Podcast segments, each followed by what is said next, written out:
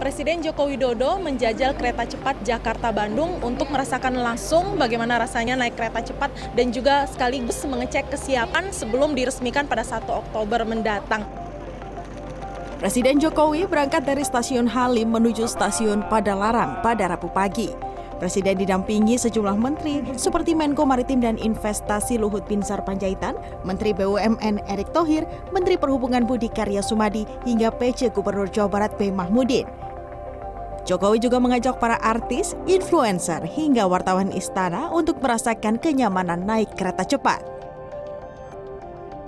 Ya, sejauh ini walau kereta bergerak dengan kecepatan maksimal 350 km per jam, namun guncangan sama sekali tidak terasa di dalam kereta. Bahkan suasana di dalam kereta cepat ini juga cukup nyaman dengan kursi, kemudian ada kabin pendingin uh, ruang Perjalanan dari stasiun Halim Jakarta menuju stasiun Padalarang Kabupaten Bandung Barat, Jawa Barat ditempuh sekitar 30 menit saja. Merasa nyaman menumpangi kereta cepat, Jokowi optimis kereta yang mengadopsi teknologi dari Tiongkok ini juga terjamin keamanannya. Saya empat kali datang ke proyeknya kereta cepat, tapi memang baru pertama kali tadi mencoba. Nyaman. Dan pada kecepatan tadi 350 tidak terasa sama sekali baik saat duduk maupun saat saya berjalan sehingga ya inilah peradaban.